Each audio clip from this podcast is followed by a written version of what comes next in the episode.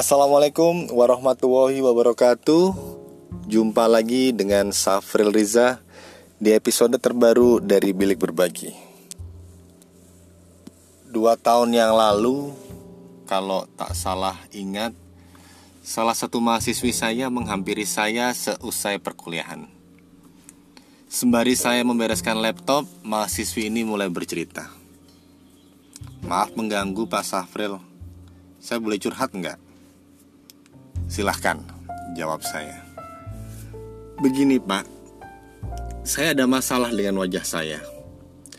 Kata beberapa orang, wajah saya datar banget, kayak nggak punya emosi.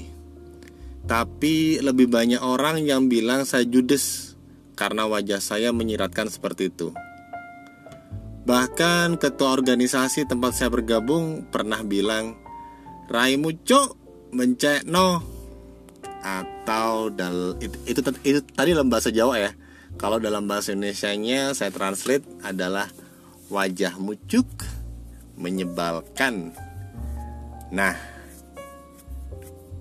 ucapan itu dia ucapkan saat saya dan dia lagi mendiskusikan sebuah kegiatan. Saya pengen nangis Pak Safril sebenarnya saat itu waktu saya dengar ucapannya saya nggak ada masalah dengan argumentasi dia. Malah saya mengagumi argumentasi dia. Pak Safril juga mungkin bete lihat saya di kelas Bapak karena wajah saya judes. Tapi saya sangat menikmati perkuliahan Bapak. Terus gimana Pak? Saya nggak mungkin kan operasi plastik kemudian hening dan ada air mata di sudut matanya.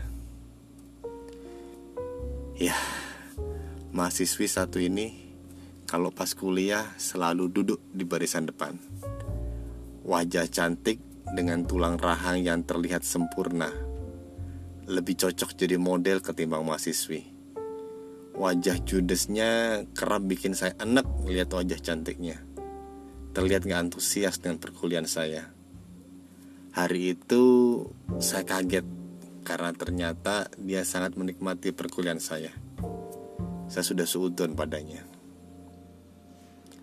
Allah pasti punya maksud dengan memberikan nikmat wajah pada beberapa orang di dunia seperti mahasiswi saya.